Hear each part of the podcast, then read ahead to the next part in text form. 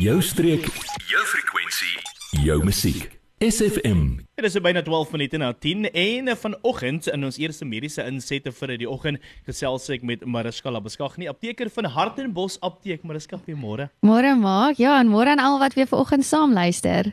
Nou vandag het ons 'n baie belangrike een want jy het so 'n bietjie my al daaroor vertel so terwyl ons nog gewag het vir ons tyd om aan te breek om te gesels en veral ek wat 'n uh, 4 maande ou babatjie het se ore is gespits vanoggend. Nou ons gesels vanoggend Mariska oor die RSV virus. Wat is dit presies?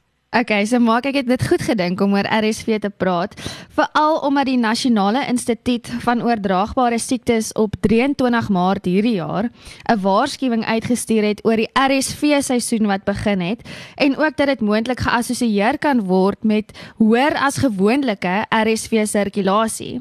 So RSV staan vir, hier's 'n groot woord, respiratoriese sinsisiale virus. So dit is 'n baie algemene respiratoriese virusinfeksie wat veral in die wintermaande voorkom. En hy veroorsaak dan infeksie van die neus, keel, longe en dan die bronchiolitis. En dan die infeksie kan dan ook verder lei tot bronchiolitis en longontsteking. En, ja. Nee, ek kan maar aangaan maak. en uh wie staan die grootste risiko om RSV te kry? So jou prematuurgebore babas, veral die wat voor 29 weke gebore is. Babas met hart, long kwale en 'n verswakte immuniteit, lae geboortegewig babas, babas wat jonger as 6 maande is, so onder andere jou 4 maande seentjie, kinders wat in 'n dagsorg is, babas met ouer boeties of sissies, kinders met neuromuskulêre versteurings soos spierdistrofie volwassenes met long of hartkondisies. So ons kyk dan nie meer net na babas nie, maar volwassenes ook en dan ook ouer volwassenes, veral die wat ouer is as 65 jaar. So om terug te kom weer ook bietjie oor die RSV verspreiding. Um dit versprei deur druppeloordrag. So dit is tipies soos COVID soos ons dit nou ken. Druppels wat die virus bevat wanneer jy hoes of nies, beland op oppervlaktes of op mense en dan kom jy wat nou gesond is met dit in aanraking en so kry jy nou die virus. Uh, ons sien dit ook gereeld waar 'n pasgebore baba of 'n baba net 4 maande oud deur 'n familielid of nie eers deur 'n familielid nie gesoen word wat dalk 'n bietjie van 'n verkoue het en dan kan die kind ook RSV opdoen. So ook baie kinders in die skole en dagsorge kry dit ook en dan versprei hulle dit so onder mekaar en dan wanneer die ouer boetie of sussie terugkom by die huis na die jong babatjie toe dan steek hulle ook die kind aan en so kan die kind ook RSV kry. So dis ook belangrik om te sê en ek dink dit kan ook vir 'n bietjie gemoeds gemoedsrus gee is um die virus is baie algemeen onder die meeste kinders en hulle die kans dat hulle geïnfekteer word daardeur voor die ouderdom van 2 is baie goed. So ons almal het dit heel moontlik al gehad. Um volwassenes ook kinders as hulle die simptome kry, kan dit of soos 'n verkoue simptoom wees wat binne 2 weke opklaar wat matige simptome is, maar vir baie mense wat um ouer is of bejaardes is ouer as 65 jaar of kinders jonger as 6 maande, kan hulle begin sukkel met ernstige of meer erger simptome wat hulle asemhaling kan affekteer en dan ook dehydrasie kan veroorsaak. En in die mees gevorderde gevalle kan dit lei tot suurstofbehandeling wat benodig word of selfs intubasie in die hospitaal in die hospitaal. Ja, ek gesels met Mariska Labeskagh, nie apteker van Hartenbos Apteek. Mariska, ons gesels vanoggend oor RSV. Nou jy het voor die breek gepraat van RSV wat kan lei tot bronchiolitis en longontsteking. Wat is die verskil tussen die twee? OK, ja, so bronchiolitis is 'n algemene longinfeksie wat veral piek oor die wintermaande en hy word grootendeels deur 'n virus veroorsaak, soos RSV. So die virus veroorsaak dan inflammasie, swelling en kongestie van jou klein lugweë. Dit word ook jou bronchiolis genoem. En hulle is verantwoordelik daarvoor om lug na jou longe toe te neem.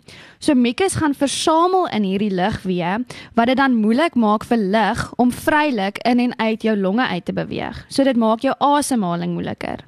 Bronchiolitis begin deur algemene verkoue simptome, maar veroorsaak dan in meer gevorderde fases hoes, wheezing en asemhalingsprobleme. En baie babas kry dan ook 'n sekondêre infeksie, um wat otitis media is of middeloorontsteking. Nou die simptome wat wat baie dringend mediese aandag nodig het, is 'n duidelike hoorbare wheezing, 'n vinnige vlak asemhaling soos tachypnee of tachypnee is wat jy dit noem, 'n trae of 'n lustelose voorkoms, wanneer die asemhaling te vinnig is om enige voeding of vloeistowwe in te neem en dan wanneer sigbare sianose in die lippe en in die naels is. So dit is 'n blou verkleuring van jou lippe en naels wat kan wys dat daar 'n bietjie 'n tekort is aan suurstof. So longontsteking of pneumonie is 'n infeksie wat inflammasie van jou lugsakkies in die longe veroorsaak. So hierdie lugsakkies word alveolies genoem. So jou alveolies raak gevul met vloeistof en etter wat dan simptome veroorsaak wat slijmerige hoes, koors en koue koors en asemhalingsprobleme insluit. Longontsteking kan wissel van matig tot lewend, lewensbedreigend. Diegene wat 'n risiko staan om longontsteking ernstig te ervaar is babas en jong kinders en dan ook volwassenes ouer as 65 jaar wat of volwassenes wat gesondheidskwessies het of 'n verswakte immuniteit. Die simptome van longontsteking uh, kan weer eens wissel van matig tot lewensbedreigend, maar dit sluit in borspyn wanneer jy hoes of asemhaal, deurmekaar uit of 'n verandering in jou geestelike gesondheid. Um 'n mooi Engelse woord is my mental awareness en dit kan veral gesien word in volwassenes ouer as 65 jaar. En dan natuurlike hoes wat mucus bevat moegheid, koors, sweet en koue koors, naait en braaking en dan ook 'n kort asemheid. Dan die twee kondisies waaroor we nou gepraat het, hoe kan dit verhoed word? Ja, so behalwe vir goeie algemene higiëne wat ons al vir 'n paar jaar toepas, probeer om jou kontaktyd met mense wat verkouerig is te verkort. En dan as jy 'n pasgebore baba het of 'n baba oor die algemeen het, probeer jou kontaktyd met met mense wat verkoue het heeltemal eintlik vermy. Ja. En dan ook natuurlik as jy verkouerig is, moet nie 'n kind gaan staan en soen nie. En pas op dat ander mense nie jou kind ja. staan en soen nie. Hou jou immuniteit hoog, veral in die tyd van winter en so ook jou kinders se. En dan ook ehm um, deur te borsvoed het ook baie goeie voordele vir babas, ehm um, want dit uh, help met respiratoriese infeksies laat dit minder sal voorkom. Ek gesels met Hartenbos apoteker Mariska Labeskag en ons gesels vanoggend oor RSV. Mariska, indien my baba of kind gediagnoseer is met RSV, hoe lank moet mens wag voor die kindjie kan terug gaan skool toe? So maak die gemiddelde aansteektyd is 3 tot 8 dae. So dan is dit veilig om te sê die dag wat jou kind gediagnoseer is, 'n week later kan jou kind teruggaan um skool toe. Dit hang ook seker maar nou af van hoe hoe die simptome is en wat jou kind ervaar en dit dit self maar die geld te veel geld dieselfde vir volwassenes maar ook. En hoe word RSV behandel?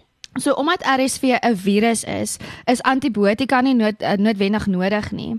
So tensy 'n sekondêre infeksie teenwoordig is soos otitis media of um, longontsteking of sinusitis, dan kan dit oorweeg word.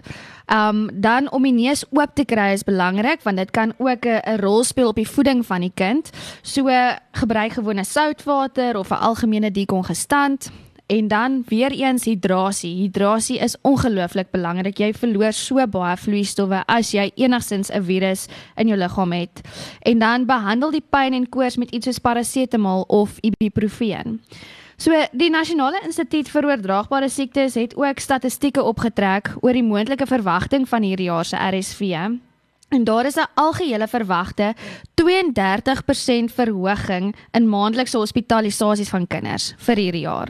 So daar word omtrent 44000 kinders 'n jaar onder die ouderdom van 5 jaar in die hospitaal opgeneem, maar prof Cheryl Cowan, sy is die hoof van respiratoriese siektes en meningitis by die Nasionale Instituut van Oordraagbare Siektes en sy het nog 'n ekstra 13000 gevalle vir hierdie jaar voorspel of wat sy verwag.